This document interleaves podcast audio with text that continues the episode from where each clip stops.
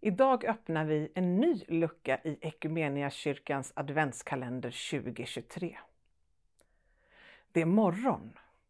Samhället håller precis på att vakna upp.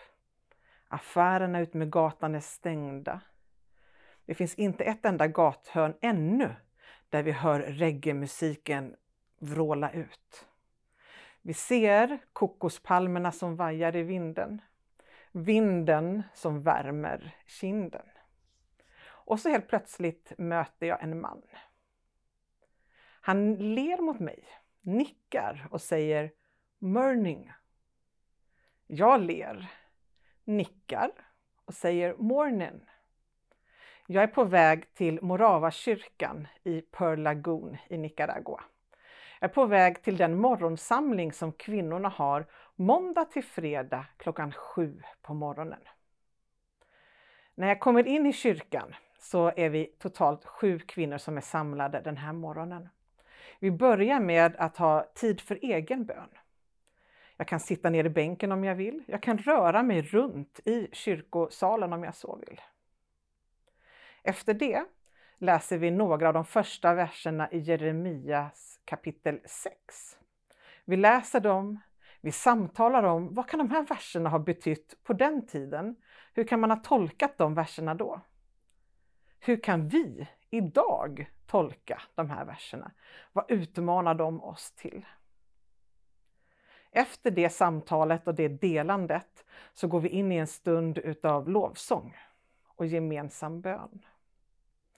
Och det är den här bönen, den gemensamma bönen, som jag särskilt tar med mig från den här stunden i Pearl Lagoon i Moravakyrkan för bara några veckor sedan. Den här bönen som kändes så otroligt innerlig, att vi alla var på samma linje och att Gud både berörde oss och talade till oss i den här stunden. Jag, jag tackar Gud för att jag haft förmånen att få göra många bönemöten med syskon i våra systerkyrkor. Det kan ha varit bönemöten som det här, ett organiserat sådant.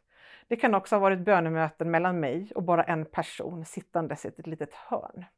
Det är en otrolig rikedom och jag är väldigt tacksam för det. Under den här adventsperioden så skulle jag vilja utmana både dig och mig att ge utrymme för bön.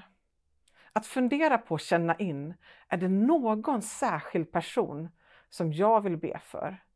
Som jag bör be för, som jag ska be för? Och kanske också, om det känns rätt, berätta för den här personen att jag vill be för den.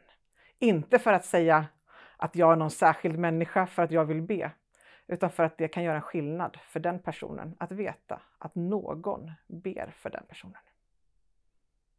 Vi ber nu. Herre Jesus, tack för den här dagen som du ger oss.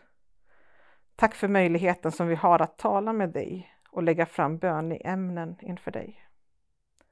Hjälp oss att stå i bönetjänst. Amen.